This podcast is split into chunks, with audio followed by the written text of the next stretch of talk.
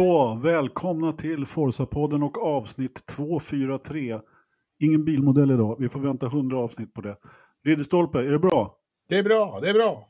Härligt. Jakob, har du Det- kört zumba eller något nu igen? Ja, det duger. Det är bra. Ja, härligt, härligt. Bra. Och så har vi en gäst med oss idag. Fredrik Lestrup, välkommen. Tackar, tackar. Goddagens. Härligt, Och en härligt. applåd. Ja, det brukar man fasken inte få. Ja, det har jag inte fått på länge.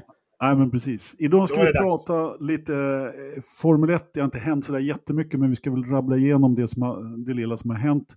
Det kanske är något litet Indycar och så ska vi prata lite övrig motorsport. Och på övrig motorsport så ska vi prata om din eh, Next Gen Cup, Fredrik. Eh, Exakt. Eh, som du är här för att prata, eller ja, för att promota lite kanske. Prata om i alla fall. Men innan vi går in på det och eh, lite andra grejer, det blir en liten cliffhanger då, så, så kan vi väl bara kolla liksom, vem är du? Vad gör du? Vad har du hållit hus? Börjar det? Ja, vem är jag? Eh, En gammal avdankad racerbilschaufför. Nej, men jag, eh, jag har ju kört racerbil, inte hela livet, men jag började ganska sent. Lyckades vara med i ett eh, en tv-program som Pico Troberg gjorde eh, vintern till 2005.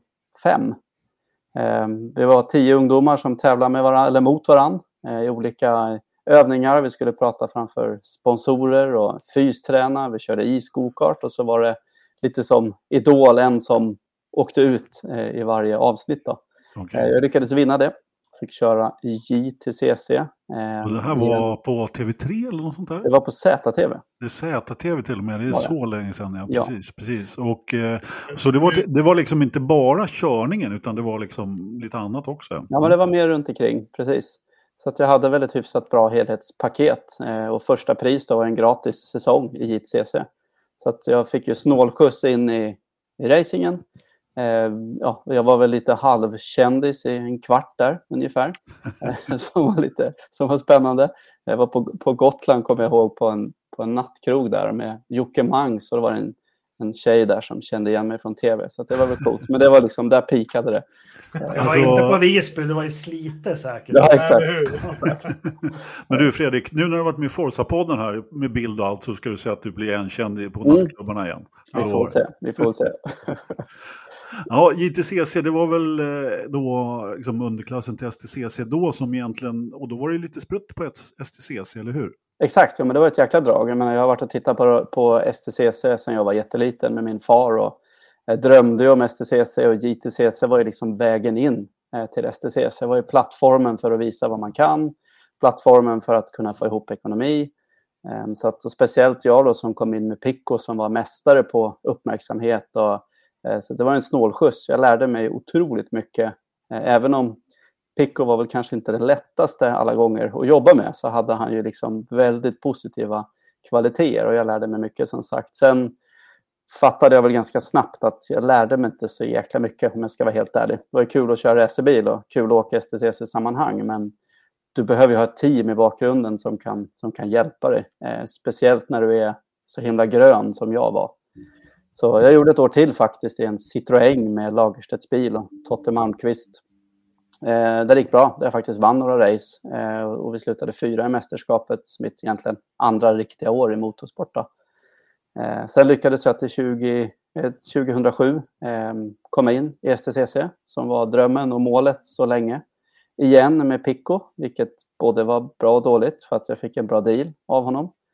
Eh, men det gick återigen inte så här jättebra. och, och till slut så fattade jag liksom att ska, jag- ska jag bli bra på att åka racerbil då måste jag ju få förutsättningar med någon som faktiskt kan lära mig att köra bil. Liksom. Eh, började jobba med partners, började väl få ihop lite ekonomi.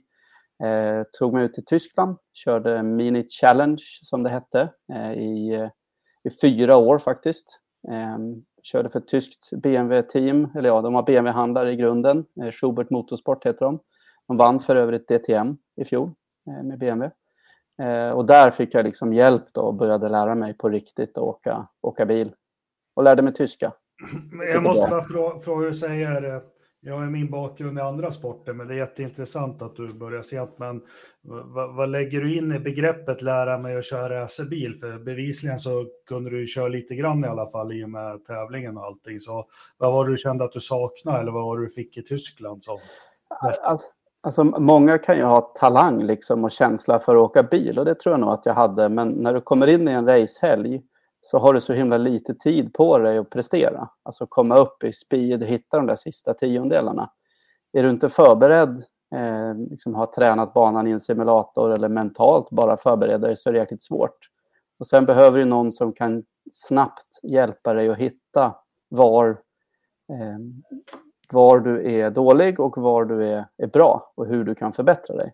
Jag menar dataloggingen som ett verktyg som är det viktigaste vi har. Liksom. Det gör jäkligt mycket. Så att jag kunde ju vara snabb i helgen, men för sent. Och då levererar du aldrig, gör du inga resultat. Så, så för att kunna komma upp i speed snabbt, eh, till exempel då få till ett kval, eh, så måste du i början ha hjälp. Liksom. För kvalar du inte bra, då är det ju oftast kört. Då startar du långt bak. Kör du, kör du sprintrace i en enhetsserie som jag gjorde, ja, det, det är ju nästan omöjligt att ta sig framåt. Men ja, det, framförallt det... när det är enhet. Och vi har ju en svensk förare på väldigt hög nivå som, som har jobbat hårt med sina kval. Så att, eh, exakt, exakt. Så är det Ja, Precis. det jag ska fylla i, man ser ju det i högre klasser, de som liksom är på det direkt eller de som behöver, behöver bygga upp det. Eh, ja. Mm. Jo, och sen är det ju skillnad om du har tävlat i ett mästerskap i två år, tre år, fyra år. Då har du ju en rutin som du kan luta dig mot. Eh, men just i början så behöver du ju mycket hjälp. Men vad sa Picco då? Picco sa till mig alltid att du är ingen racerförare än. Okej. Okay. okay. Jag, jag tyckte... Blev du någonsin det? Ja, ja, ja, ja det kan jag väl tycka. Du bara, jag, trä, jag har träffat brud på Gotland. Ja, exakt. Jag, jag, ja, ja. Okay. ja, för fan. Jag vet inte. Han lever ju tyvärr inte längre, Picco. Men uh, han, uh, vi hade en väldigt bra relation. Han följde ju vad jag gjorde såklart ute i Europa och sådär. Men um, jag försökte få Pico att förstå liksom, att jag behöver ju hjälp. Jag behöver ju veta om jag bromsar för sent eller åker jag för fort. Liksom, jag kommer ihåg att jag, när jag åkte STCC där, att jag, jag åkte på sladd hela tiden, kommer jag ihåg. Eh, och liksom, jag förstod ju inte det här med att ta med sig fart in i kurvan, utan liksom var lite för långsam in och så ska du då, måste du gasa mycket för att komma ut. Och, ja, fick inte ner greppet. Liksom, så. Det var väl det första liksom, jag lärde mig i Tyskland, att hitta en bromspunkt och en release point på bromsen där du har mer rätt fart in i kurvan. Då. Mm. Ehm, och när du får till det, ja, då får du helt plötsligt till spåret och apex och liksom få till en mjukare utgång. Och, ja, sen började det, det klickade liksom. Jag behövde någon som kunde pusha mig åt det hållet innan, innan det klickade. Ja, spännande. Ja. ja, men det är alltid intressant att höra det där. Liksom. Och det där, det där kan ju vara lite olika från eh, förare till förare såklart. Liksom. Var det är man behöver lite den här extra pushen är och när man hittar det där som du bestäm, beskriver. Liksom, så. Exakt. Ja. Exakt. Nej, men jag kan ju bara tänka mig, men nu pratar ju ni mest Formel 1 och Indycar, liksom, där det är en helt annan nivå. Ehm, och där förstår man ju hur viktigt Eh, hur viktiga de här sakerna är. Och det visar också, tycker jag, att man är jävligt ensam som, som förare. Liksom. Du är inte så himla mycket utan ditt team. Eh, och, och, det är väl något jag har liksom fått med mig in i när vi har drivit vårt racingteam. Vi har drivit Lestrup Racing Team och eh, drivit STCC-bilar sedan 2017 och långlopp. Och liksom, kan du få föraren att trivas, eh, känna sig ja, känna att de får hjälp liksom, och försöka möta dem. Och då, då får du också ut mer av, eh, av chauffören. Ja, just det. Mm. Jaha, Tyskland, eh, 2000, var var vi någonstans? Ja, just det. Jag körde Mini Challenge där och fram till 2011. Eh, slutade trea i mästerskapet som bäst. Eh, 2012 körde jag GT Masters i Tyskland eh, med en BMW Z4, en GT3 med West Coast Racing. Lite struligt år. Vi hade väl inte riktigt den budgeten som behövdes, men vi hade några, några race som var, som var riktigt bra. Då. Eh, men någonstans i alltihop det här så, så drömde jag om Australien, eh, australiensisk motorsport eh, och V8 Supercars. Då. Ehm, så 2013 skulle jag ha fortsatt i GT Masters med ehm, Schubert, det här tyska teamet som jag åkte mini med jag hade en sponsor som drog sig ur ganska sent på, ja, med ganska substantiell peng. Då, så att det blev ingen säsong för mig. Så att jag bestämde mig för att jag ska göra allt jag kan för att försöka ta mig till Australien eh, och V8 Supercars. Så jag körde en hel del långlopp. Det har jag egentligen gjort i alla år. Ehm, eh, ja, lite långlopp. Jag har kört mycket långlopp kan man väl säga. Ehm, men jag köpte faktiskt ett test i ett V8 Supercars-team 2013 ehm, och flög dit eh, gjorde det här testet.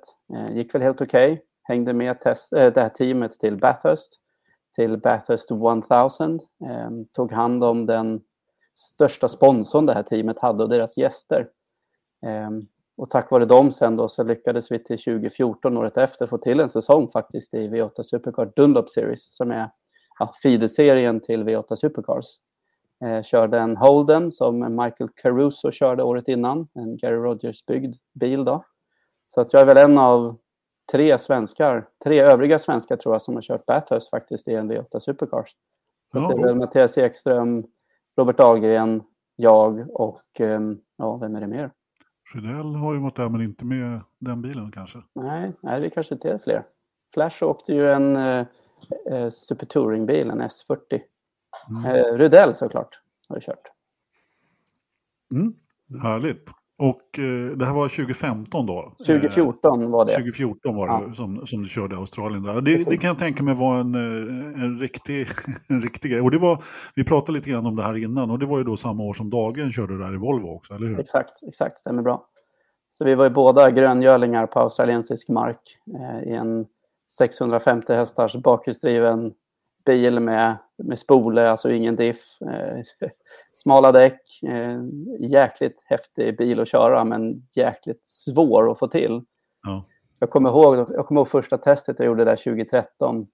Eh, alla racerbilar jag har kört i min karriär har jag kunnat bygga upp speeden successivt. Eh, alltså flytta bromspunkten sakta, ta med mig mer fart, liksom få förtroende. Men eftersom du inte har någon diff på de här V8 Supercar-bilarna så är det som en hykart.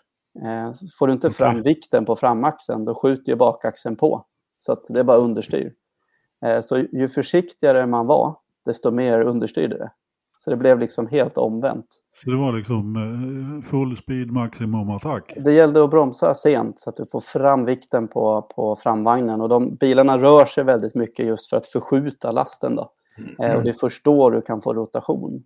Så det gällde ju att liksom våga bromsa sent helt enkelt. Eh, för att överhuvudtaget få bilen att rotera. Eh. Men hur, hur gick det? Liksom, hur, hur stor förändring innebär en sån sak i din normala körning som du har lärt upp dig tidigare, som du har använt i många år? Sen måste du ta bort det och, och köra på ett annat sätt? Ja, men det, det tog några testdagar faktiskt, gjorde det. Sen um, första racet vi körde var ju Adelaide såklart, mm. stadsbana eh, med betongmurar och jag kommer ihåg det var 44 grader, 44 grader varmt. Så vi hade väl, jag vet inte, 70 grader in i den där V8 liksom. Hemskt, ja. um, så, så det var jobbigt men, um, men det är ganska bra gjorde det. Jag, kval, vi var väl, jag tror vi var strax under 40 startande då i, i det mästerskapet. Eh, och jag lyckades kvala så här 27 någonstans och kom 14 i första racet. Eh, gjorde det ändå helt, helt okej. Okay. Absolut. Eh, så att, ja, men det var kul. Det, framförallt så var ju racingen så jäkla rolig. Eh, långa, långa inbromsningar, låg kurvhastighet i midcorner. Det gick liksom att ligga bredvid någon, du kunde åka två i bredd väldigt enkelt.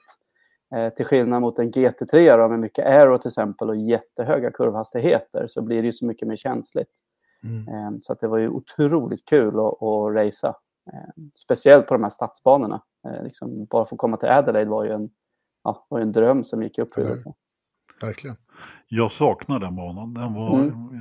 alltså, kanske inte den absolut roligaste att köra på, men den spektakulär. Och mm. ja, jag gillar den skarpt faktiskt. Mm. Jaha. Så det gjorde jag 2014. Eh, och sen, eh, ja, vi hade lite strul med teamet där och det, ja, hittade ingen fortsättning till 2015 så jag åkte tillbaka till Europa. Eh, lyckades eh, få till en styrning med ett gammalt team som jag åkte Mini Challenge med eh, sista året. Eh, 2011 åkte jag med dem. Körde vi DTC, Deutsche Tourenwagen Cup, som var egentligen ja, tyska mästerskapen i racing. Då. Eh, återigen i en Mini, eh, framhjulsdriven Mini. Så att från en 650 hästars bakhjulsdriven kundvagn till en eh, framhjulsdriven liten bil. Eh, men det är ganska bra. Jag lyckades vinna mästerskapet så blev tysk mästare i racing där 2015. Eh, jäkligt kul, skönt att komma tillbaka till Europa tyckte jag ändå. Eh, betalade ingenting för att köra, eh, vilket var liksom Ja, också en milstolpe. Eh, och lite återigen det vi pratade om där, att trivas i ett team och känna att man har stöd. Liksom, det hjälpte mig jättemycket där. Sen det var väl egentligen min sista riktiga, riktiga karriär i racing. Då. Vi fortsatte åka 2016 men vi kom bara halva säsongen tills teamet fick lite problem med pengar. Eh, och mitt sista riktiga race jag körde var Dubai 24 timmars 2019 i en BMW GT4. Eh, där vi faktiskt lyckades vinna racet men det är det sista, sista racet jag har kört. Då. Ja, härligt, härligt. Mm. Och så du, när du då sådär på förarkarriärens slut, eh, jag menar du hade väl redan innan börjat lite grann och fundera på hur det var och hur du skulle fortsätta, eller? Ja, 2013 startade vi, eh, jag och Totte Malmqvist där från Lagerstedts bil som drev den här JTCC-bilen 2006 åt mig. Så startade vi ett, ett, eh, ett racingteam istället. Då.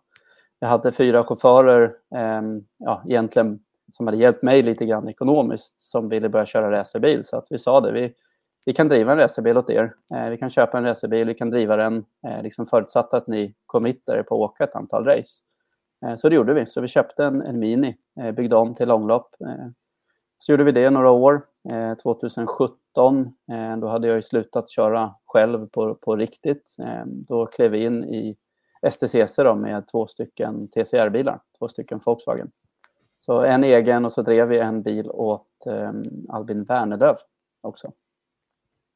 Så det var väl då vi började lite seriöst, eh, ja, driva teamet mer seriöst. Då. Ja. Eh, och sen har vi fortsatt den resan och ja, velat göra det bättre och bättre. Och Mm. Jag tycker väl att jag har en ganska god bild av hur jag vill att ett team ska fungera. Eller i alla fall vad som har fungerat bra för mig. Eh, inte bara liksom hur man trivs utan även på performance-sidan och hur man ska sköta bilarna framför allt. Eh, jag har alltid varit tekniskt intresserad och skruvat ganska mycket själv. Ehm, och 2020 lyckades vi vinna STCC faktiskt med Rob Huff eh, som körde för oss. Så att, vi vann både förar och teammästerskap. En fråga där bara. Mm. Alltså, hur, hur kom det sig att, alltså, förr i tiden, eller förr, men tidigare så var det ju många lite internationella eh, som körde i STCC. Men när Rob Huff dök upp så var ju han ändå hyfsat stort namn nere i Europa. Sådär. Hur kom det sig? Ja, men absolut. Nej, men han var ju fabrikschaufför hos eh, Volkswagen Motorsport. Eh, men 2019 efter säsongen så la man ju ner Volkswagen Motorsport på grund av Dieselgate då, helt enkelt. Så att, och vi hade fått ihop lite budget till 2020 så vi tänkte att vad fasiken, vi, vi, liksom, vi tar in en erfaren chaufför och, och dels för att utveckla oss som team men också för att på riktigt försöka vinna STCC. Då. Så jag lyckades efter mycket om och men få tag i Robs privata telefonnummer. Ehm, och jag ringde honom bara. Liksom, och, Tja, läget? Vad gör du? Vad ska du göra i år? Vad, gör, vad gör du på lördag? Har, Ja, har du ledig helg? Så Ja, men typ så. ja. Cool. Det som var bra var att vi hade i januari 2020 hade vi varit och kört Dubai 24 timmars med teamet med två stycken golfar då. Eh, där Oliver Söderström som körde för oss då lyckades ta pole position. Eh, och Rob bodde i Dubai då eh, och, och var med och ägde ett team som också tävlade i långlopp. Så det första han sa var att ja, men Leicester Racing Team, jag vet ju precis vilka ni är, ni spöade oss i Dubai. Så det var liksom väldigt lätt att ja, påbörja relationen där. En ingång där. Ja, men precis. Och sen det var jättesimpelt. Jag menar, visst, han är en, en tidigare världsmästare och liksom har ju fått bra betalt. Men vi fann varandra ganska snabbt och kom överens om en, eh, ja, om en deal då, för att köra för oss 2020. Vilket var häftigt för oss. Jag menar, ett litet svenskt team med inga jätteerfarenheter eller resultat. Då. Kommer från ett fabrikskontrakt liksom världs, på världsnivå. Och, ja, nej, men det funkade bra. Det, han lyfte oss och jag tycker att vi levererade jäkligt bra eh, liksom för en världsstjärna som kom över till ett litet svenskt team. Erbjöd han lyxsviten på, vad heter hotellet vi brukar bo på? När vi är på Högestad. Vad sa Ja, du? Högestad. Eller hur? han var faktiskt inte så svår. Han bodde hemma hos mig här ett par gånger. Och, Ja, nej, det var inga konstigheter alls. nej. Nej. Han, han tyckte inte om svensk kaffe däremot. Det första han gjorde var att han ville ha mitt kreditkort. Så fick han det och sen drog han till Mediamarkt, köpte en espressomaskin. Eh, Ah. ja, den har vi haft sedan dess. Då. Ja, Ja, Ja, precis. Ja, underbart. underbart. Ja, men det var ju lite piken då på, på STCC. Hur, hur toppar man det sen då? Nej, det är ju svårt. Jag menar, vi, det är ju klart, det finns ju inte något team som inte vill vinna. Liksom. Och vi har ju några, några team som vi tävlar mot som är, som är starka både ekonomiskt och föraruppställningen i STCC. Så att, eh, 2020 hade vi plan på faktiskt att fortsätta med Rob i Sverige. Eh, och även ta in fler chaufförer. Då. Så vi skulle driva fyra bilar, men sen fick Rob ett erbjudande att åka VM med Cupra. Så att det kunde han ju inte tacka, tacka nej till och det ville ju inte någon av oss. Nej. Ehm, Så att vi tappade honom då. Men eh, nej, vi gjorde det väl ganska starkt ändå 2021. Vi vann några race med faktiskt alla våra chaufförer vi hade vann ett race. Ehm, Och sen fortsatte vi ju i fjol då. Vi köpte, sålde alla Golfar. Köpte två nya Audi. Ehm, Var bra med i mästerskapet men eh, ja, lite stolpe ut och lite problem. Eh, Bra speed men vi lyckades inte knyta ihop det riktigt eh, i fjol, tyvärr. Nej. Så, det, så är det ibland i den här branschen. Ja, men så kan det vara definitivt. Ja, och sen, sen nya kapitlet då. Vi, vi väntar lite med det då. Så, Mm, så mm. blir det en liten ja, åsnebrygga här. Så, så ska vi Exakt. pr- prata lite Formel 1. Innan jag börjar prata Formel 1 så, ska, kan, man, eh, så kan man bli Patreon. Patreon.com slash Forsapodden. Och eh, det finns lister och tröjor att köpa på West Coast Motorsport. nu, eftersom vi pratade West Coast Racing här förut så höll jag på att säga fel nu. Men, men West Coast Motorsport är vår merch-försäljning i alla fall. merch. Så. Och, glö, och glöm inte att vi har utökat våran merch. Varför ska man säga så? Våra, våran, våran uppsättning med, med grejer som man kan eh, pimpa sig själv med är ju numera också inkluderade ett par sjukt snygga solglasögon. Jakob, hur går det med solglasögonen? Ja, dem? men då, är de är på gång. De är på gång. Å, återkommer. Nu låter han som säljaren igen där. Liksom. Ja, nej, nej, ja, det har jag lärt mig av dig Lövström. Eller hur? Ska, ja, vi kör en onyxgrej på det där, Monitron. Ja, men Eller precis. Ja, låter, låter ju lovande. Hör du Jakob, när du ändå pratar, du kan ju, eh, nästa programpunkt är ju våra äh, launcher, det vill säga inte luncher och inte de här som man sitter på flygplatser, utan när man presenterar en ny bil. Det har varit tre stycken här sen sist. Eh, eh, vad tycker du om Alfa Romeo? Nej, ja, ja, men var inne på det förra veckan. Jag tycker det är inte alls kul det här som det var för 20 år sedan eller 25 eller 30 år sedan så gammal som man var. För de, de eh, skickar ut någon, någon showcar och visar sin livery och jag är inte så där, jag är för gammal för att vara intresserad om de har bytt färg någonstans. Men lite små skillnader kan man se.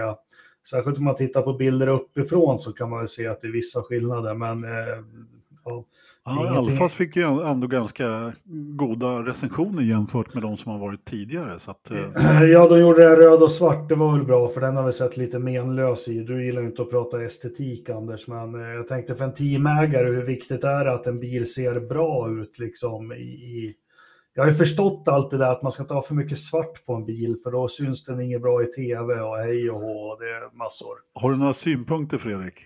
På, Ja, det är jätteviktigt att det ser bra ut såklart. Framförallt vill man ju sticka ut och, och liksom göra sin egen grej. Sen, jag tycker det är jättespännande med de nya designerna, men det, det sker ju aldrig några stora förändringar, tycker jag. Eller väldigt sällan i alla fall. Eh, sen gillar jag ju den nya stilen som de flesta teamen verkar ha anammat med mycket matta färger. Mm. Eh, faktiskt, det, det tycker jag är rätt coolt. Även om det är jättejobbigt att hantera, för det blir, det blir smutsigt tycker jag, men det är snyggt.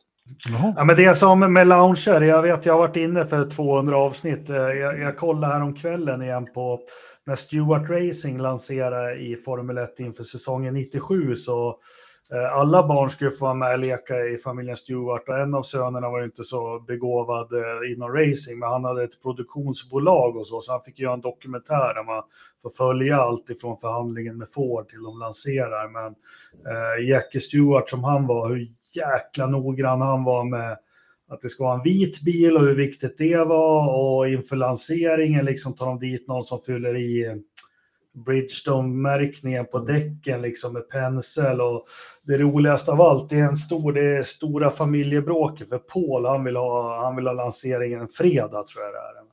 Jackie säger, nej men du, fredag är helt omöjligt och Paul försöker fråga varför. Han bara, det spelar ingen roll, folk åker till fjällen eller de är på picknick, fredag är bara fel. Uh, ja, jag vet inte fan, jag hade ingen punchline på den. Men, Nej, men, jag... Eh, men den blev ju fin bilen också. Ja, den var det, var, vit. det var viktigt att alla de här eh, Tatar-rutorna var rätt också förstår jag. Ja, han har en egen Tatar som han... Eh, ja. Ja, ja, men precis. Nej, men det, jag tycker så här färg och form är viktigt på bilar, precis som Fredrik säger. Och eh, eh det bästa som har hänt sen eh, Rich Energy, det var väl att Ferrari gick tillbaka till att ha svart fram och bakvinge som de hade förra säsongen. Jag vet inte riktigt om jag tycker att det är det bästa, men, men, men, eh, men okej. Vi säger så. Ja, men säg något som har varit bättre sen Rich Energy-bilen då. Eh, något som har ah. varit bättre? Anders tycker Williams-bilen ser trevlig ut år ja, efter år. Den var fin. De ska ja, göra ett eget livery där också med Nej, Gulf och alltihopa. Ja, den var rätt tråkig, var den inte Gulf kanske kan bli skoj till Monaco, men det är lite så här, it's done, det är redan gjort. Jag tyckte Alfa, Alfan tyckte jag faktiskt var, var snygg när den blev mörk istället. Jag tyckte det var eh, trevligt. Ja, jag vet inte riktigt, men, eh, men visst. Den, det, det, blev en helt klart förändring. Eh, de hade ju den här gamla F1 showcaren som de hade målat om i alla fall. Tror jag. Ja. Eller något sånt där. hur mycket följer, följer du övriga motorserier, Fredrik? Hur mycket följer du Formel 1? Alltså, jag har ju två fantastiska barn hemma just nu, så att tid, det finns ju inte så jättemycket tid. Men innan det följde jag jättemycket ja. motorsport, såklart. Ja, ja. Mest australiensiskt, ja. om jag ska vara helt Och det förstod vi liksom med dina mm. beskrivningar och längtan Precis. till Australien där och så vidare. Så att, ja, exakt. Ja, men... De har ju så mycket mer än bara V8 Supercar. Ja, och det funkar ju också tidigt på morgonen då med småbarn med det. Så. Ja, men precis, precis. Men jag kan tycka det bästa F1-liveryna, liveries, det är ju oftast test. När de släpper sina testdesigner. Red Bull har ju varit duktiga på att göra unika one-offs. Liksom. Eh, där tycker jag att det är några som har stuckit ut ganska ordentligt. Ja. Eh, bättre än, än det de har när de kör race. Mm. Ja, men jag, där kan jag hålla med lite grann. De brukar alltid vara lite spännande. Då kan man ta ut svängarna lite så. Mm. Ja, men precis. Den mest menlösa lanseringen i, i år hittills kan man väl säga då. Det var ju Alfa Tauri då som hade snott Alfa sponsor, eller rättare sagt eh, Kubicas eh, oljebolagssponsor och målat röda fläckar på sin bil så att den ser helt konstig ut. Jag vet inte. ja, fast jag tyckte, ja, men lite highlights. Den behövde ju någonting. Den var ju rätt tråkig förut. Den var väl clean designmässigt. Men, men jag, jag, tyckte att lite röda highlights var inte helt fel på bilen ändå. För nu ser du den, förut så försvann den ju bara. Liksom. Du, du behövde ja. något. Ja. Jag håller med dig 100 procent. De här röda delarna gör ju att den sticker ut, precis som du säger. Sen är ju jag ett fan av blått. Vi har ju alltid haft blått i Leicester Racing Team och i Next Gen Cup nu och sådär. Så att jag tycker ju faktiskt att Alfa Tauri-bilen är en av de snygga. Ja, jag gillar det. Williams. Williams är bara blå. En Tyrell från 1973 måste gå hem hos dig. Mörkblå. Och, ja, men de är jättesnygga. Eh, lanseringar är all ära, Anders, och så, men jag tänker snart drar du testerna igång. Vi har lite Aston Martin och sånt som ska lansera imorgon. Men när vi har en både teamägare och för detta racerförare och sånt. Man pratar jättemycket om man följer F1-testerna och så, om någon sandbaggar och jag hatar det uttrycket och allting. Men, men vad kikar du lite extra, eller som team och så, förutom att bilen ska hålla, alla system ska gå bra, hur, hur kan du hjälpa våra lyssnare och oss tre? Hur, hur ska man värdera ett test när man tittar på tider och sånt? Det beror på vilket mästerskap det är. Jag tror i Formel 1 så är det väldigt mycket sandbagging och liksom det finns en, en, en agenda bakom kulisserna som, som ingen vet om. Eh, sen så tror jag samtidigt att teamen i Formel 1 framförallt, jag tror det är skillnad i Indycar till exempel, där är det nog mer hardcore, liksom rå, rå speed som man visar på testerna. Men i Formel 1 så försöker man ju sandbagga, du försöker förvirra konkurrenterna. Men de har ju också personer ansvariga för att analysera vad de andra teamen gör. Så att man har nog ändå jäkligt bra koll på hur mycket de sandbagar eh, och inte. Eh, så att ur det perspektivet så är F1 kan jag tycka lite tråkigt just ur det perspektivet. För att helst vill man ju se liksom på riktigt var de står någonstans. Eh, men ja, jag kan samtidigt tycka att försäsongstester och första racet, F1, har ju liksom stämt överens ganska bra. Ja. Även, även för oss utifrån som tittar. Menar du att du inte har någon som eh, analyserar de andra stallen på försäsongen? ja, exakt. Även vi, vi, vi gör, alltså, även i lilla, ursäkta uttrycket, men ankdammen STCC så vi visar ju inte all vår speed heller på, en, på ett försäsongstest. Eller man kanske visar det på ett sätt där man försöker liksom förvirra lite grann. Och samtidigt vill du också sätta skräck i motståndarna. Såklart. Att liksom jäklar vilken speed de hade helt plötsligt. Och, man kan ju ja. tänka till lite vad man gör när och hur och så vidare. Så, exakt. Såklart. exakt. såklart ja. sen, sen, får man inte glömma också att testerna är ju till för att, att faktiskt analysera och det finns ju så mycket mer än ren speed du måste testa. Men Formel 1 är ju extremt liksom. Eh, men du behöver ju göra olika, speciellt om du har en ny bil eller liksom det är nytt, du behöver göra olika svep på kamben eller aero eller vad det nu kan vara eh, som, som är ganska tidskrävande. Så ibland kan det liksom framstå som att man gömmer eller men man, man, är bara inne i sitt testprogram helt enkelt. Och sen nu när allting är så begränsat också så blir det ju, varje minut på banan blir så mycket viktigare liksom, när man inte får göra, man inte får köra tester hur mycket som helst. Jag menar, nu är det Exakt. de här dagarna som, som det ska göras. Liksom, så. Mycket går ju att simulera idag, eh, mer än man faktiskt tror. Det gör ju även vi i, i STCC. Eh, men även om du simulerar så måste du ju bekräfta vissa saker.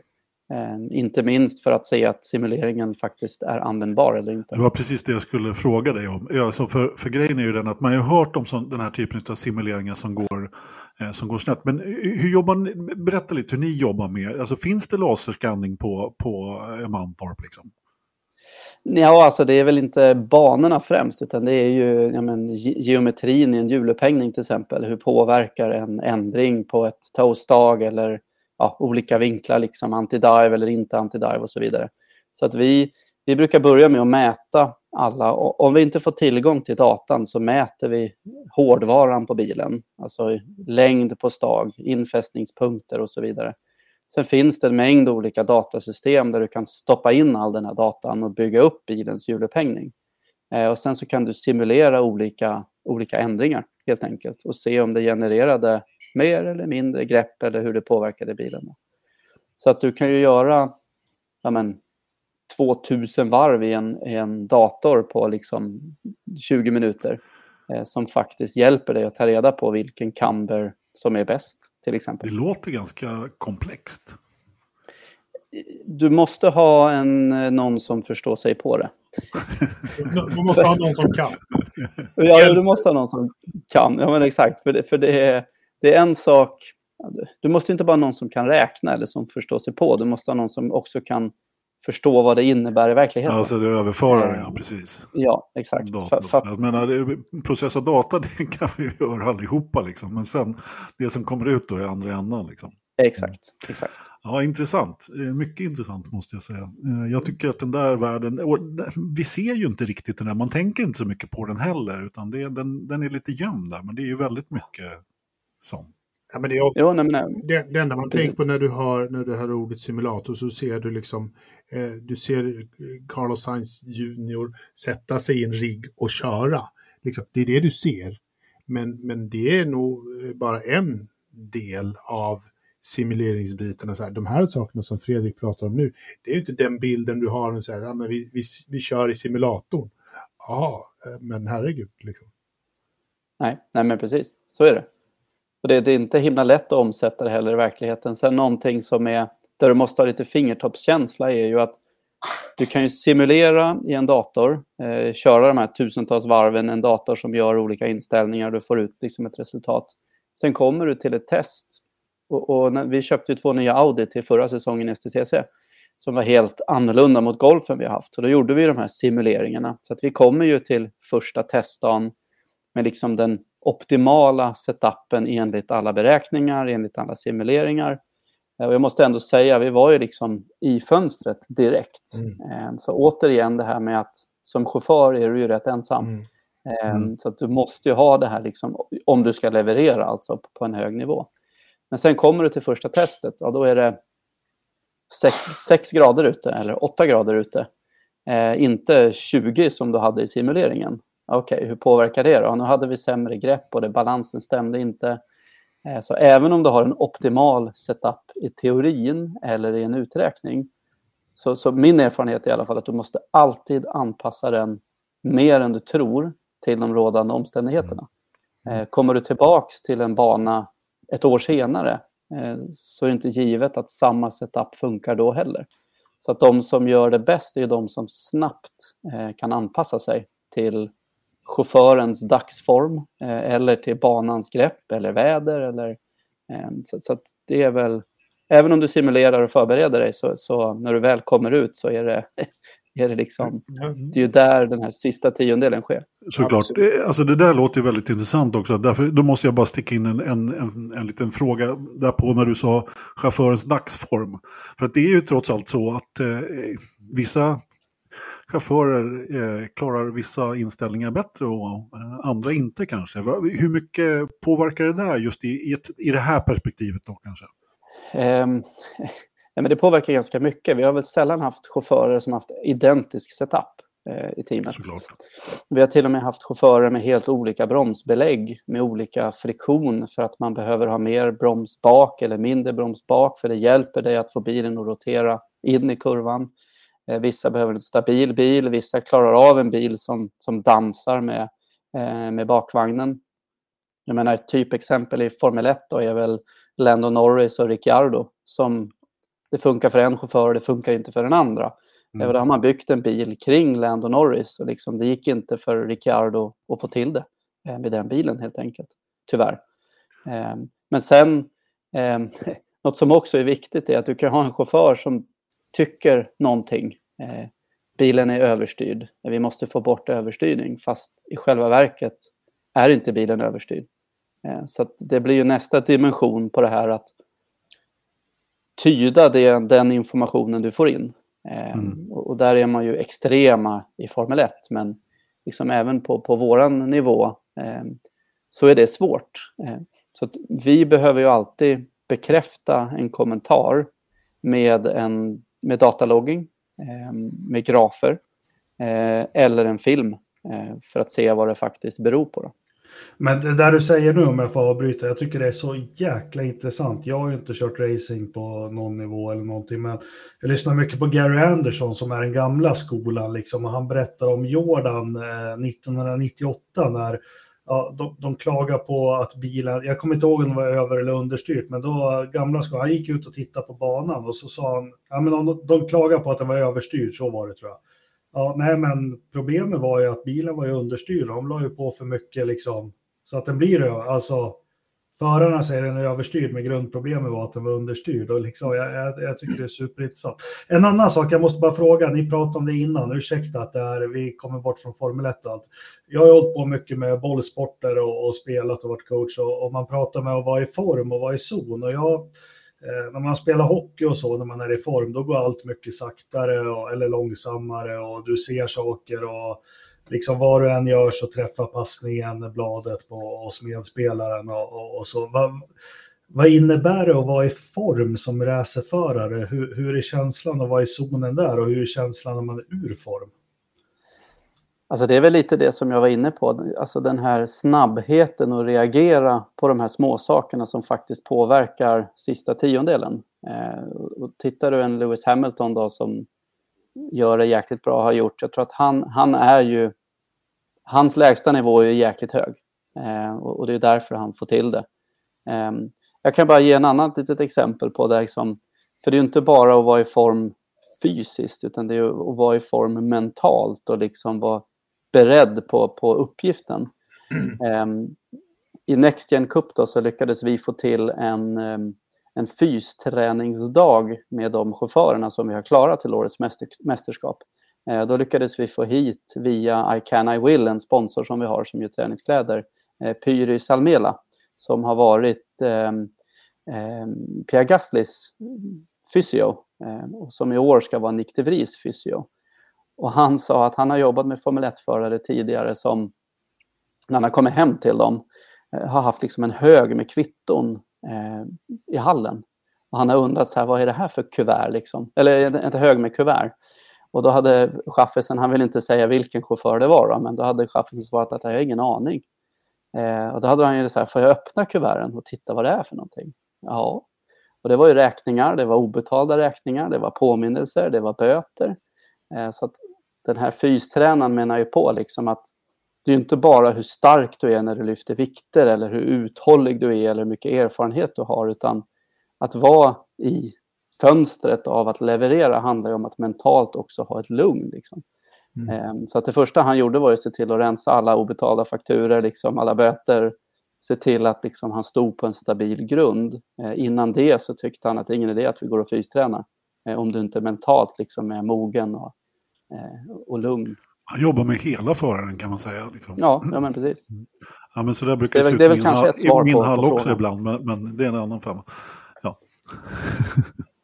Det, men, men oerhört intressant eh, liksom att, eh, att höra eh, det här från någon som har varit med lite grann måste jag säga. Vi hade några andra punkter på Formel 1-agendan faktiskt, men du har redan pratat lite Next Gen Cup. Jag tror, jag tror att vi, vi snabbspolar bort dem faktiskt. Eh, ja, vi slänger oss rakt in i... i... Ja, vi tar, vi tar en annan, eh, vi tar en annan, eh, vi tar det en annan gång. Vi Katrin Legge har fått en styrning och ska köra Indy 500 och de har släppt biljetterna. Det var Indycar-svepet. Nu kör vi övrig ja. motorsport. Coolt, då... snabbt. och, men då, vi måste faktiskt nämna Svenska rallyt då. Det, må, det, måste man faktiskt göra om det har körts eh, VM-rally i Sverige och Oliver Solberg har vunnit WRC2-klassen. Jag skulle ju ha åkt dit med rallybåten men det blev ju inte riktigt av så jag hamnade i ett annat land istället så vi fick titta på rally på tv men det gick ju bra det också. Följer du rally något eh, Fredrik? Eh, jag har gjort eh, så mycket jag kan. Tycker det är skitballt faktiskt. Ja, ja, men det är ju något annat. Eh, alltså jag, jag har också följt rally förr, inte så mycket nu bara för att jag gillar tävlingsmomentet. Eh, liksom så. Eh, och eh, kanske inte det här mot klockan. Jag försökt, har verkligen försökt att, nu inför när jag ska åka upp och titta på svenska, jag försökt att sätta mig in i rally igen. Och det, det är ju någonting annat lite grann. Där, där är liksom man mot klockan hela tiden. Jo, men det är det absolut. Jag, jag kan tycka, jag, jag har varit och tittat på rally fysiskt och det är ju bara det är en upplevelse att komma nära bilarna ute i naturen liksom. Men, men jag tycker rally gör sig bäst i ett sammandrag. det kanske låter helt fel, men, men jag brukar faktiskt sitta och titta på liksom från 90-talet. Eh, VRC har ju på sin YouTube-kanal sammandrag från rallyn liksom, och det tycker jag är jäkligt häftigt. Speciellt med, med Colin McRae och Mäkinen liksom. Oh. Eh, men på, på tal om rally, om någon frågar mig vad min drömbil är. Många ja. skulle ju säga en, ja, men en Lamborghini eller en Ferrari eller sånt där. Fan, en VRC-bil, det är ju det ballaste du kan åka. Ja, med såna här riktiga dubbdäck som de hade i, Exakt. på, på vinterrallyt också, så att man får lite fäste. Liksom så. Jag kan hålla med dig att rally görs bäst i, i sammandrag. Jag försökte titta lite live där och jag måste säga att sändningen var ju sådär alltså. Eh, inte riktigt på topp alltså. Det är lite svårt att avgöra. Vad behöver man göra i tid för att komma före den andra, ditten och datten, hej och hå. Sådär. Men, men de har gjort det bra i Umeå, det måste jag säga. De verkar ha fått till det bra och även om rallybåten inte kom på plats så var, verkar det ändå vara lite folk på plats där. Och, hela det kittet. Då. Mm. Och, och framförallt då så fick, vi ju, fick ju Oliver äntligen ta en seger, eh, vilket har varit efterlängtat får man väl ändå, ändå säga. Liksom. Även om det är VRC 2 då. Liksom. Vi hade ehm, Kalle Rovanperä som vann året, eh, förra året då, regerande världsmästare. Han hade lite problem för han fick ploga lite och eh, öppnade upp för Ott Tänak eh, som, som vann totalrallyt. Då. Du har förstås följt det här Ridderstolpe, eller hur? Ja, go, eh, verkligen. Absolut. Så nu är vi klara med det. Kan vi inte gå över till nästa? Jo, vi ska göra det alldeles strax. Jag måste bara berätta om Hyundaierna där som, eh, som försöker, alltså han Breen, irländaren där, han ska inte riktigt mm. köra alla rallyn. Så att de gjorde en sån här taktisk eh, han kom för sent till starten, det är en klassiker i rally, liksom, så att han fick en minuts tillägg. Men det var bara så att Neville, han lyckades, han gjorde ett misstag, liksom, så han tappade all den där tiden. Så att Colin Brink kom i alla fall tvåa så att, ja, så kan det gå när man ska göra stallorder i alla fall. Han såg lite missnöjd ut på prispallen. Säger du det? Colin Breen var inte riktigt lika missnöjd faktiskt. Så. Men, ja. Du har aldrig hållit på med stallorder Fredrik? Um, nej. Nej, faktiskt inte. faktiskt inte. Nej. Ja, du ser. Ibland kan det ju faktiskt vara så att eh, man kanske inte vill att stallkompisarna kör in i varandra. Som, som i en annan serie som, som vi brukar prata om i övrig motorsport. Men jag, jag kommer inte nämna Formel E för dig nu, Engelmark, för då somnar du. Precis. Två Jaguarerna körde in i varandra. Ja, ja men tack. Ja, men nu, nu ja, jag håller med Ridderstolpen. Nu, ja. vi, vi är faktiskt på väg in på elspåret här nu. Eh, det är bra. Ja, eller hur? Eller hur? Ja. Och eh, Next Gen Cup, Fredrik. Ja. Berätta, vad, vad har du ställt till med? Ja, jag brukade säga vårt lilla projekt brukar jag säga, men det är ett ganska stort projekt har det blivit.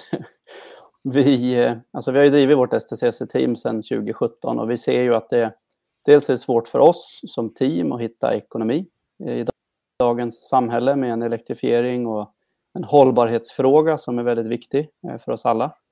Eh, det är inte bara bilindustrin som elektrifieras, det är egentligen hela samhället idag. Ehm, och sen finns det ju inget, jag började ju tävla i JTCC, men det finns inget JTCC idag. Det finns inget Clio Cup, det finns liksom inget, ingen instegsklass. Inte ens en formelbilserie, vill... det finns en liten formelbilserie, men det tre bilar brukar vara med liksom.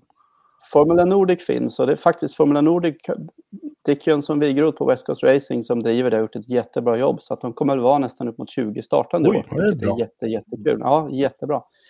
Um, men, men ska man in i touring car så finns det liksom ingen väg in. Då. Uh, så att, så att uh, vi ville förändra det um, och, och ja, se om det går att åka elektriskt. Så um, vi har väl haft idén i två, ja, två och ett halvt år kan man väl säga. Vi tävlade ju med eh, Volkswagen i STCC. Så vi flög faktiskt ner till Volkswagen Motorsport och presenterade en idé där man skulle bygga elektriska ID3 för motorsport och starta en enhetsserie. Det är ju ingenting nytt eller unikt, men eh, inget som finns idag. Eh, och de, de klickade ju på alla kretsar eh, och tyckte att det här är ju skitbra, det här ska vi ju göra. Eh, men sen la man ju ner Volkswagen Motorsport. Mm. Eh, så alla projekt då, som inte hade kommit en bit, eh, ja, de tvärdog ju liksom. Vilket var synd, för vi hade fått pris på, på bilar eh, och liksom kommit framåt. Då. Så då gick vi på Audi istället eftersom vi skulle tävla med Audi i fjol.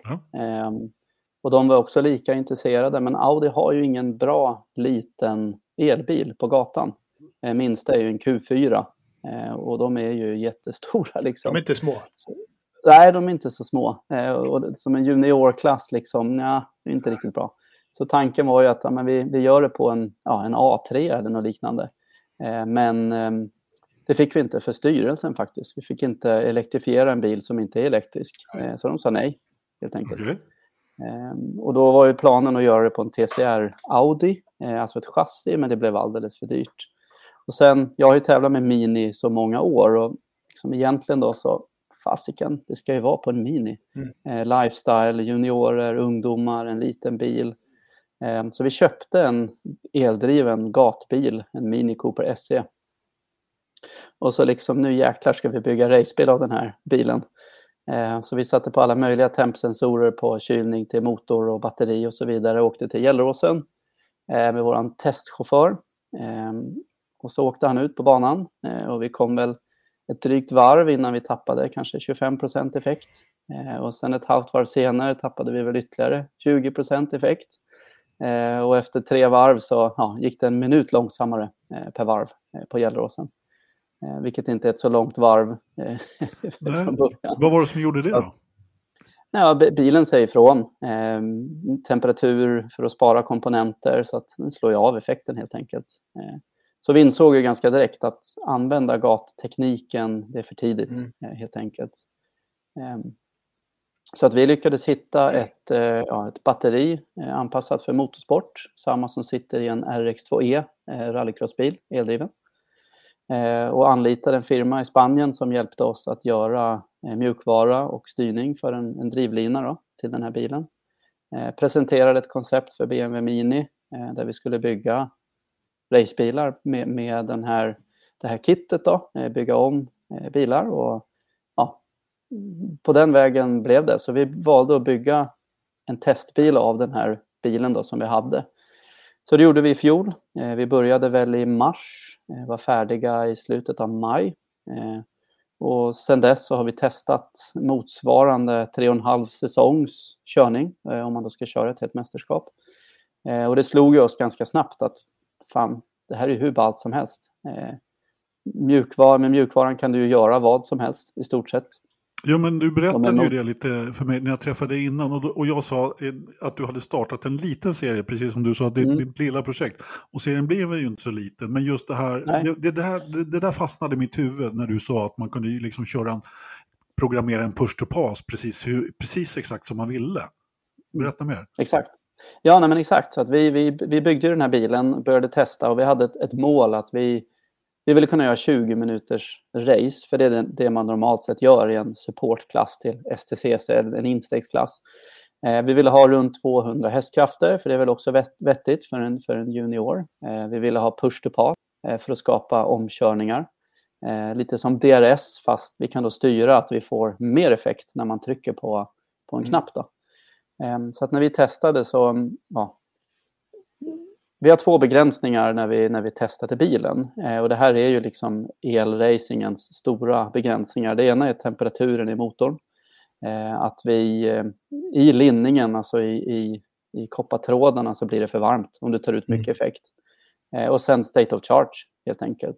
Så att när vi byggde bilen och testade så gällde det att hitta en mappning där vi kunde då klara 20 minuter utan att överhetta motorn eller ta slut på batteriet. Ehm, så att vi, och det har vi lyckats med. Vi kommer inte riktigt 20 minuter, eller vi kan åka 20 minuter om vi vill. Eh, men då måste vi skruva ner effekten lite grann. Eh, och vi kommer till en gräns där liksom 2-3 kilowatts effekt i, i skillnad gör väldigt stor skillnad på hur bilen känns att köra. Och vi har ju hellre en rolig bil med liksom mycket effekt än en bil som är lite tråkigare och kommer längre. Ehm, Eh, så, så att för att köra i nästan 20 minuter så har vi ungefär 170 hästkrafter. Eh, mm. vilket är ganska bra för att vara en juniorklass. vi, vi riktar oss ju mot 15 till 25-åringar. Eh, och sen har vi då push to pass eh, där man får 60 hästar till eh, i fem sekunder. Eh, och det kan man göra två gånger under de här racen som vi kommer köra. Då. Eh, och precis som du beskriver Anders så kan vi ju med mjukvaran styra hur vi använder det här. hur länge, hur mycket. Eh, och, och, varje gång vi testar lär vi oss något nytt.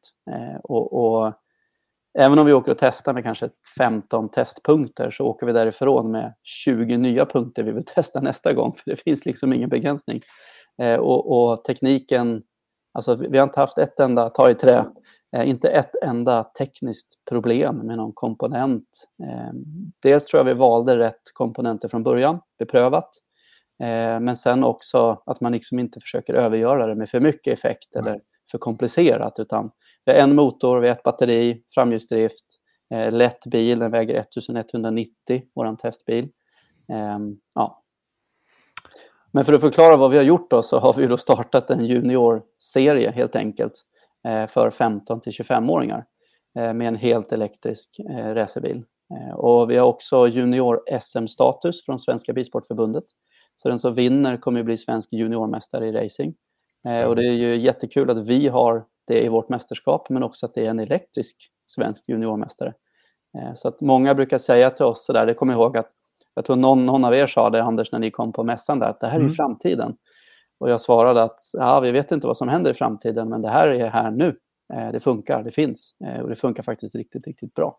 Ja, men precis. Så att vi, vi håller på att bygga 20 stycken bilar just nu då, identiska med testbilen eh, och kommer i år Eh, driva första säsongen av Next Gen Cup eh, och kommer köra tillsammans med STCC, alltså samma racehelger eh, och blir ju den officiella feeder-serien eller juniorklassen eh, till STCC. Då. Och konceptet där som ni har anammat tyckte jag också var väldigt intressant. Det, här. det är inte så att man måste langa in jättemycket pengar utan eh, det är fortfarande mycket pengar när det är motorsport men, men eh, alltså ni driftar bilen, man behöver egentligen bara komma med hjälmen och eh, köra. Exakt, vi vill göra det enkelt för juniorerna eh, att vara med. normalt sett så ska du ju köpa en racerbil, du ska ha ett släp, du ska ha någon som meckar och Eh, din pappa kanske gör det bättre än min pappa och då åker du fortare. Eh, och det vill vi ju, vi vill ge alla samma förutsättningar så att det är upp till chauffören eh, att göra resultat. Eh, och det gör vi ju att, genom att vi, vi kommer att sköta alla bilarna helt enkelt. Mellan helgerna, på helgerna så att chaufförerna kommer med sin hjälm eh, och sen sköter vi resten. Så samma setuper, eh, liksom samma förutsättningar hela vägen igenom. Eh, vi kommer också lotta bil så de kör olika bilar varje helg. Så att man eliminerar att någon tycker att någon är bättre än en annan. Bil nummer åtta är alltid bäst. Liksom. Ja, men exakt. Det beror på vem som betalar mest.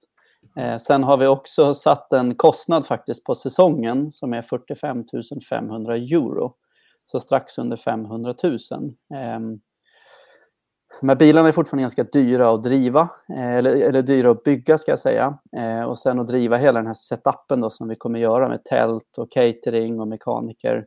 Eh, är ganska dyr, men vi har, vi har valt den kostnaden för att det, det, är det vi tror att man har råd att kliva upp till om du kommer från karting eller någon annan eh, klass. Då.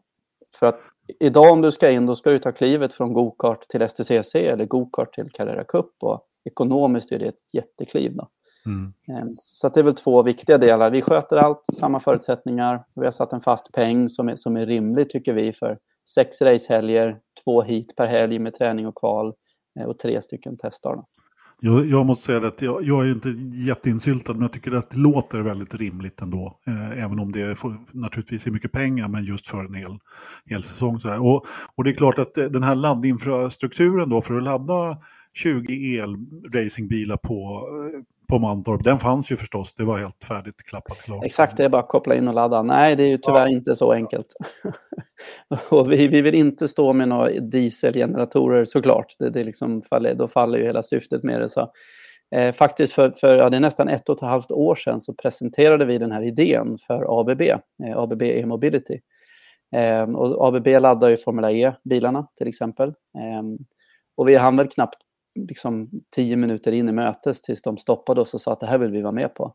Så att ABB kommer förse oss med laddare. De kommer också hjälpa oss att eh, få energi till banorna helt enkelt.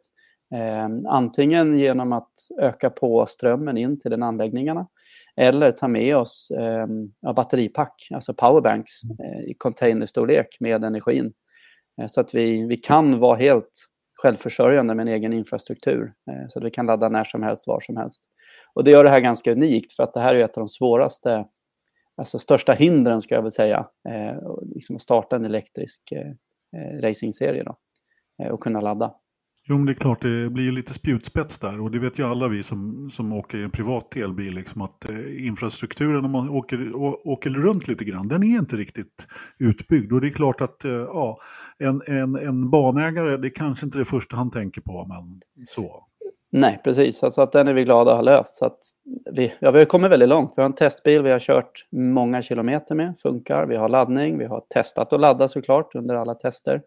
Eh, så att vi känner oss väldigt bekväma med att tekniken, bilen, att det funkar. Eh, väldigt lugna skulle jag säga. Sen något som är jättekul är att på vår webbsida på nxtgencup.com så finns det ett formulär som vi gjorde när vi lanserade det här man kan fylla i intresse som chaufför, då, att man vill köra. Mm. Eh, och vi har långt över 100 förare som har signat upp sig på, bara på det formuläret. Eh, från hela världen, ända bort till Nya Zeeland och Mexiko. Ehm, så att ehm, vi har, i dagsläget så har vi väl 16 av 18, vi kommer driva 18 bilar. Vi bygger 20 men vi kommer driva 18 för vi vill ha två stycken bilar i reserv. Ehm, och vi har 16 av 18 förare redan färdiga Eh, vi har inte mm. gått ut med alla officiellt än. Eh, och vi skulle ju kunna, ja, hade vi haft 20 bilar till tror jag att vi hade nog kunnat driva 20 bilar till. Eh, och det visar att det finns en jätteefterfrågan på hållbar, ja, men hållbar racing helt enkelt. Och elektrisk racing. Ja, finns, det, finns det ekonomi i, i det hela för, för eran del? Liksom går, går serien runt på de här 45 och 5 Nej, eh, det gör den inte. Eh, utan det är, vi har en jätteuppgift att hitta resterande ekonomi. Då. Men tillsammans med våra partners och våra investerare så valde vi att chaufförerna ska inte betala mer. Eh, så, att, så att vi har ett jättejobb då att hitta resterande ekonomi. Men elektrifieringen gör ju att den öppnar upp dörrar hos, hos företag. Många har ju miljöpolicy, så jag menar, kör med en förbränningsbil så är dörren stängd, du får inte ens komma och presentera. Så i och med att vi har både, liksom, vi tickar ju hållbarhetsboxen, mm. vi tickar en juniorbox, ungdomar. Mm. Vi kommer att köra ett race tillsammans med STCC i Helsingborg så att vi har en stadsnärvaro. Så att vi har liksom de här viktigaste punkterna som många företag tittar efter. Så att det här har ju gjort att vi, ja, vi, vi får träffa företagen vi får komma och presentera det. Sen är det mycket som ska falla på plats innan man väljer att investera mycket pengar i det. Eh, man, man har andra åtaganden och budgetar som ska mm. hinnas klart i tid och så vidare. Men största skillnaden är att vi får faktiskt prata om det, eh, berätta om det. Eh, och det finns ett intresse. Mm. Och något som är häftigt också är att vi har till, till dags datum har vi åtta andra organisationer som har hört av sig och vill att vi ska driva Next Gen Cup där då. Och det är alltifrån ja, Rumänien till Tyskland, till Spanien, till Belgien, till England. Ja, så det ja, ja, så det kan bli en liten eh, Europaturné här sen då? Med... Vårt mål är väl att expandera till fler länder. Eh, mm. Men vi ska inte få hybris, utan 2023 ska vi också leverera enligt liksom alla förväntningar vi har byggt upp eh, i Sverige. Men det, kan väl inte, det är väl inte så dumt att ha en liten testballong här då? Nej, men precis. Exakt. Så faktiskt, när... de, de chaufförerna vi har klara, är, en är från USA som kommer mm. att köra. Vi har en holländare, eh, vi har en tjeck, vi har en tysk, eh, vi har en britt, eh, en norsk eh, och svenskar. Så att eh, ja, men... det är jätte, jättekul. Ja, men det, det låter intressant. Och när, eh, när kan man se spektaklet? När kickar det igång? Första racet är på Västkustloppet tillsammans med STCC då på Falkenberg 7, eller 8-9 juli är det, under sommarmånaderna. Så att den, den tiden behöver vi för att hinna bygga klart våra bilar. Tre, trevligt ställe att vara på, Falkenberg 8 och 9 Absolut, juli. absolut. Bra väder och, och, så. Men jag tänkte, är det någon, är det någon förare som, som kittlar eh, lite extra nu när du ser de som har blivit klara? Så, så här, det där, det där kommer bli eh, eh, någon att se fram emot under säsongen. Alltså vi har några chaufförer som är ganska gröna. Eh, vi har några chaufförer med, med erfarenhet. Sen gjorde vi faktiskt i november ett, ett enkelt litet test med några av chaufförerna. Mm. Eh, nu i januari var vi också iväg med några av dem. Och vi, vi har väl en ganska god bild av vilka vi tror kommer att, eh, kommer att leverera. Har vi. Det finns några riktiga krydd, Absolut. kryddkorn. Ah, Absolut. Alltså, det, här låter, det här låter riktigt skoj, spännande, både, både som förare och sånt där, men som som egenskap. Liksom, det, det, är jätteroligt att det här kommer från, från lilla Sverige mm. eh, och som, som verkar uppenbarligen röna stor uppmärksamhet runt om i Europa nu då främst kanske. Eh, och det här är någonting som jag verkligen eh, vill sätta mina pengar på och hoppas att det här blir en framgångssaga. Mm. För det ja, låter det... klockrent. Ja, men kul att du säger det. Det hoppas vi verkligen. Och det är ju, jag menar, vi får inte glömma, vi, vi gör det ju för återväxten egentligen i mm. svensk mm. racing. Liksom att, att den, den, är nästan obefintlig inom racing i Sverige för ganska många år. Och det vill vi ju förändra. Vi brinner ju för sporten, vi brinner för tekniken och, och eh, nu brinner vi för elektri elektrifieringen stenhårt. Liksom. Eh, och det, det är no någonting vi ser är, många tittar ju på Formula E av, av de unga gokartförarna. Liksom, men, men det är ju egentligen bara fabrikschaufförer som kör mm. Formula E. Eh, så att, liksom, många säger till oss så här att vi ser ju inte att det är möjligt för oss att ta oss dit. Nej. Eh, men skulle vi kunna ha Next Gen Cup i flera länder, eh, liksom att, att ja, vara med och skapa en start i alla fall på en elektrisk karriärstege, så, så, så, så är det några som har sagt att ja, men det här är ett sätt för mig att visa upp mig, mm. även för Formel E-teamen, för vi kommer ha många ögon på oss liksom inom elektrisk racing. Då. Mm. Sen är det också något som är viktigt, nu, nu babblar jag på här känner jag, men vi vill, också, vi vill också ge tillbaks till de här chaufförerna. Och jag gjorde ju mycket, det som jag nämnde tidigare här med liksom att hos Pico Troberg, så jag lärde mig inte riktigt köra racerbil i början. Eh, och, och, jag fick snålskjuts i att lära mig hitta lite ekonomi, så att det här vill vi också hjälpa ungdomarna med.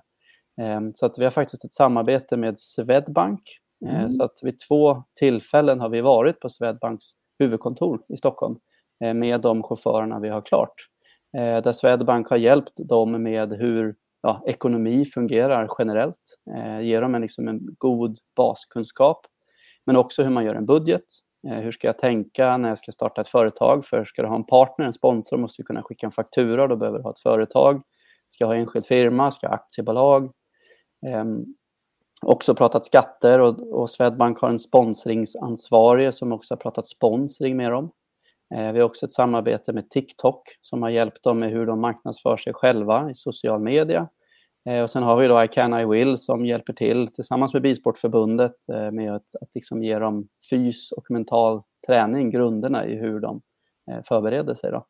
Mm, nästa... Det här är ju liksom ett helhetsgrepp som är ja. väldigt ja. intressant. Jag menar, det är så mycket mer än bara körningen. Så att, men, nu, nu har jag varit tyst så länge. Men, ja, ja, jag, jag vet det. Men jag, jag, tycker det är så häftigt du nämner och sen återknyta till den här fystränaren som eh, hittar massa kuvert i hallen. Men, men det du säger, vi gamla uvar, det är en helt ny tid att, vara ung och hålla på med sport i. Precis Eh, och navigera i allt det här, om det så är fotboll eller om det är bordtennis eller vad det än är. Och jag tycker det är skithäftigt och bra att, att du tar det här ansvaret eh, och, och täcker in de här sakerna. För det är inte bara att vara snabb på banan eller bra på hockeyisen, utan det är så jäkla mycket runt om.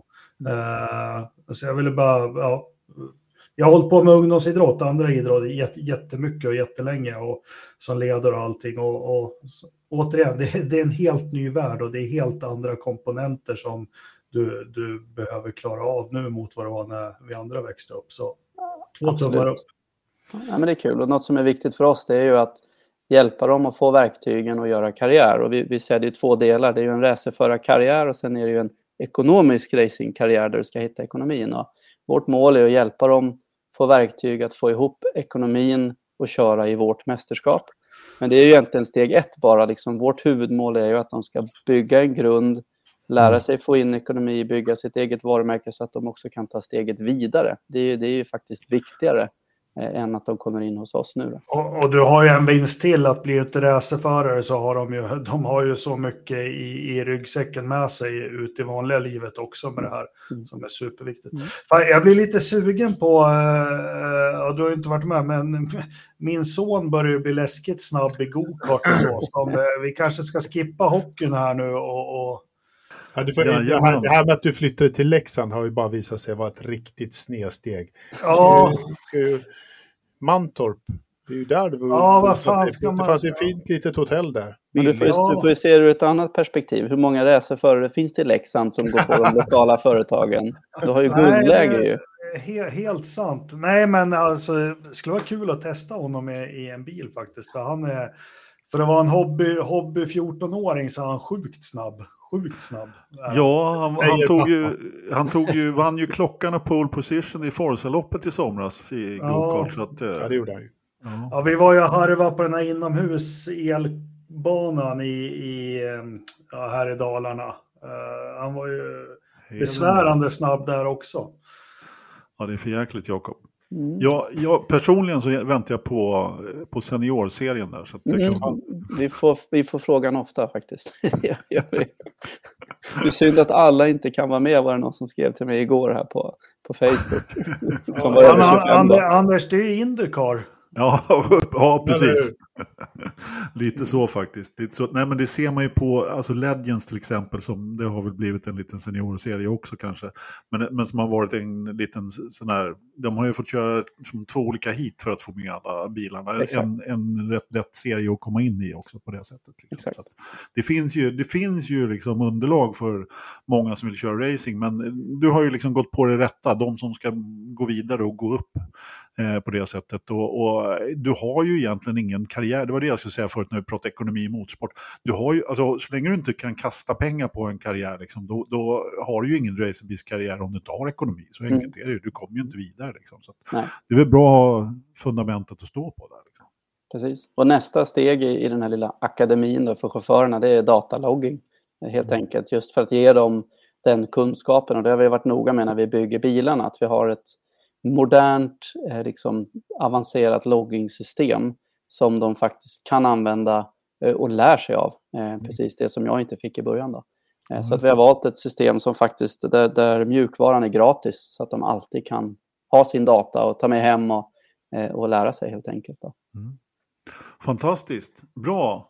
Eh, nu har vi pratat över en timme faktiskt. Eh, är det någonting som vi har glömt där när det gäller Next Gen Cup? Eh, har jag missat att fråga något? Eller har, du har pratat väldigt mycket Fredrik eh, och mycket intressanta saker. Men, eh, är jag någonting? är mer om man är sugen. Vart tar man kontakt? Vart läser man vidare? Vart eh, ja, får man reda på mer? Bästa är ju vår webbsida nxtgencup.com eller våra sociala medier. Vi försöker sprida både med film och bild från, från, från allt vi gör. Då. Eh, vi har testat mycket, visat upp bilen mycket. Eh, sen eh, där finns mina kontaktuppgifter om man är mer intresserad. Vi har också sagt att vi vill vara med och visa den här omställningen. Så är det någon som är intresserad på tekniken eller liksom vill komma och titta fysiskt så visar vi hellre istället för att liksom sitta hemliga bakom kulisserna utan få med alla på omställningen och vi pratar gärna öppet och ärligt om begränsningar, brister, positiva saker, negativt. Eh, det tycker vi är minst lika viktigt eh, liksom så att man, ja, alla är med på tåget. Ja, Perfekt. fantastiskt. 8-9 juli, Falkenberg. Falkenberg, exakt. Eh, sounds like a date i, i, i, mina öron. Jajamensan, Så definitivt. får Engelmark ta med sig sonen då så att vi 2024 liksom Eller eh, anmäler en plats. Ja, det, Ja, precis.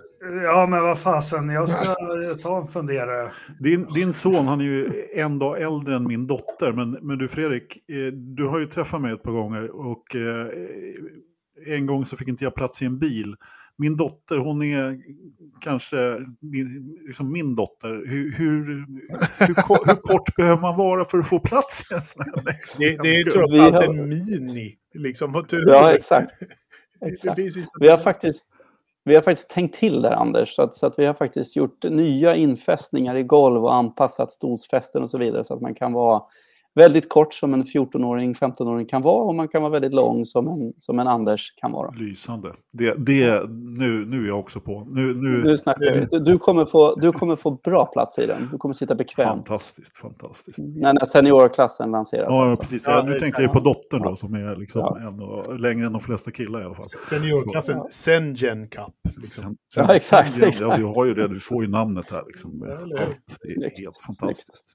Hörrni, vi måste gå vidare lite grann. Eh, eller gå vidare. Det är, det är inte så mycket kvar, höll jag på att säga. Det är, det är nästa programpunkt som är veckans förstappen. Eh, har du hunnit eh, tänka till någon, Engelmark? Han har ju suttit och tänkt hela avsnittet. Ja, men precis. Han har inte haft- sagt någonting. Har du, Nej, nej, eh, nej, jag har inte. nu låter det som Ridderstolpe brukar låta. Ja, Ja, tack så hemskt mycket. Varsågod. Det är för mycket bra som händer i livet just nu för att Ja. gå runt och vara arg, Anders. Som, Nej, det går ju inte. Det går ju inte. Har du ingen gammal som du kan dra upp då? Men Vad är kriteriet då? Är det inom F1 eller? nej, vad som helst, i- helst inom motorsport, men du kan ju säga eh, Rysslands invasionskrig om du vill också. Men Ja. eh, att man, man, man har gjort bort sig eh, inför omvärlden är väl det. Men, eh, ja, men jag, jag, jag måste bara säga, jag, veckans förstappen måste ju bli eh, hur fan Ferrari hanterar fjolåret. I, vi snackar lite teamorder och sånt. Alltså, jag, satt, jag har ju tråkigt ibland, så jag satt och kollade, satt och kollade Englands eller Storbritanniens Grand Prix. Det här. Jag hade helt glömt bort det, det här med när de försökte bromsa Sainz. Och han skulle ha tio billängder till Leclerc som hade gamla däck och grejer och allt möjligt. Så det blir, det blir Ferraris fjolårsstrateger får bli veckans Verstappen. Det är så Härligt, en gammal klassiker Jakob, som jag utnämnde till veckans förstappen typ 20 Varje gånger vecka. förra året. Ja, varje vecka förra året. Det är underbart. Eh, Det tackar vi för. Ridderstolpe, Ja, ska jag ta? Jag, eh, jag, jag såg lite grann av en intervju med Stefano Domenicali och, och eh, Martin Brundle på, på Sky. jaha, Där, eh, där han pratade han pratade ner liksom hur Andretti Motorsport utförde sitt bid för att bli ett nytt Formel 1-stall.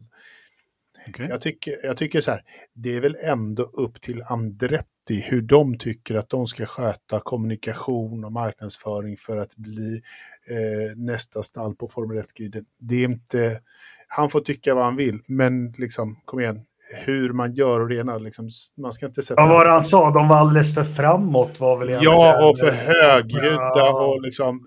Alltså kom igen, det är amerikaner du pratar med. Ja, men precis. Det Det är är bara en typ- dräkig amerikan. Liksom, Eller hur? Det- det. Han heter Andretti. Titta på karln och du fattar hur kommunikationen kommer att ske. Det är vräkigt. Alltså, så Ja, nej. Så Dominicali, Dominicali. aldrig- han är liksom i det här att Trump blev eh, president och så under några år. Det har gått honom helt Ja, det är helt förbi. Det, han har helt missat det. Eh, liksom. Ja, Nej. härligt. Eh, Dominicali som veckans Ja, förslappna Ridderstolpe. lite Det är underbart. Eh, Tack. Formel 1 högste chef får Ja. den äran. Ja, Alltså. det, var, det var faktiskt på tiden. Vi har aldrig haft honom förut. Nej, det har vi nog faktiskt inte. Helt klart. Fredrik, har du lyckats eh, komma på någon? Ja, jag är ju fast i Australien då såklart. Han körde ju Bathurst 12 timmars här för någon helg sedan Jajamän. eller två helger sedan. Och då var det ju fight in i sista, in i sista varvet där om, om vinsten när Maro Engel gjorde bort sig och, och fick lite för mycket hybris eh, och tappade vinsten helt enkelt på, på en dum incident. Ja, just det. Mario Engel alltså. Härligt. Mm. Jag såg alldeles för lite av det där 12-timmarsloppet. Det var, det var så mycket annat som hände där den helgen tyvärr. Men, men jag har tittat lite i efterhand. Den är ju, ja, det är fantastiskt kul att se.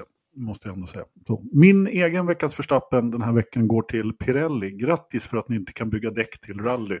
Som så att säga går isär. Så att, Inte dit heller. Nej, inte Nej. dit heller faktiskt. Det var ju helt, jag vet inte hur många sådana här däcksepareringar de hade här i Svenska Ja. rallyt. Som, som gjorde sitt till. Eh, och en bubblare är ju då Hyundai som inte klarar av att fixa sina egna stallorder heller. Men, men ja, lite så, lite så. Hörni, eh, vad bra. Då har vi egentligen bara en programpunkt kvar. Eh, ni som lyssnar och eh, tittar kan väl jag vet, inte, trycka på eh, vad heter det? De här knapparna som man prenumererar och grejer. Jag tappar, tappar helt Gå in och prenumerera på YouTube. Eh, titta på oss på Facebook. eh, bli Patreon på patreon.com eller köp lite grejer på for, eh, West Coast Motorsport. Eh, vad ni än gör, gå in på NXT Gen Cup och läs mer. För det här är faktiskt årets grej. Oavsett vad som sker framöver. Så att Next Gen Cup är faktiskt en av de ballaste grejerna jag har hört talas om på länge. Så jag är jätteglad att du tog dig tid att vara med här. Härligt Ridderstolpe. Du, du, det var bra att du tog över den. Jag började staka mig lite grann. För vad, vad jag gjorde var nämligen att leta upp eh, väderstationen. Fredrik, Ja. vår vä väderstation i, i Grävelsjön, det är nämligen så att den första servern som vi hade, Forza Motorsport, den stora nyhetssajten på förut, den blev väderstation i Grävelsjön. Därför avslutar vi alltid med att gissa temperaturen i datorförrådet i Grävelsjön. Och då kan jag meddela, och liksom för att man ska kunna gissa den här temperaturen i datorförrådet så behöver man ha lite bakgrundsfakta. Det är liksom mulet, det är 1032 hästkrafter som Det Ola här, det döpte här till är en alltså log loggningspunkterna som gör att du vet. Ja. Ja, men precis. Och temperaturen är, det är plus 1,3 grader. Daggpunkten minus Eller- 0,6, vindavkylning Jag får 1,3. snacka telemetri och hela jävla eh, timmen här nu. Så han, Eller hur? han borde knäcka den här ekvationen rätt lätt nu. Ja, antagligen. Relativ fuktighet ute 87 procent. Eh, och jag menar, vi ska kolla om det är någon som är i snödjupet skulle vi ha också. Det är alltså 70... 70 nej, det är 68 centimeter är det faktiskt. Jaha. Fågelbordet, ingen där att käka faktiskt. Eh, en fjällbua, kåtorna, ja där är det, det är inte ingen bil som syns heller. Ingenting faktiskt. Så att, ja, därför så gissar vi nu Engelmark. Eh, vad har vi för temperatur? Det är 20,4 i köket. Vad är det i datorn? 10,6. Fel, fel, fel. Nej, Ridderstolpe. inte, det, det är inte så mycket. Den håller sig väldigt lågt. eh, Den här. Den är bara 9,1. Fel, jättefel. Jag tror, att det, jag tror att det är så många som är inne och tittar och lyssnar just nu så att den går upp på hög. Och Jag tror att vi är uppe i 11,7. Ooh. Ja, det var inte så långt ifrån. Det var mycket bra gissning. Det är 11 prick faktiskt Mm. just nu. Jaha, Där ser man, där jag ser var man. helt fel. Ja, det var det verkligen. Hörrni, och Fredrik, tack för att du var med återigen. Tack själva. Mycket intressant att höra. Eh, tack för att ni lyssnar. Tack för att ni tittar. Tack Ridderstolpe och Engelmark. Nu eh, kör vi. Vi hörs och syns nästa vecka. Det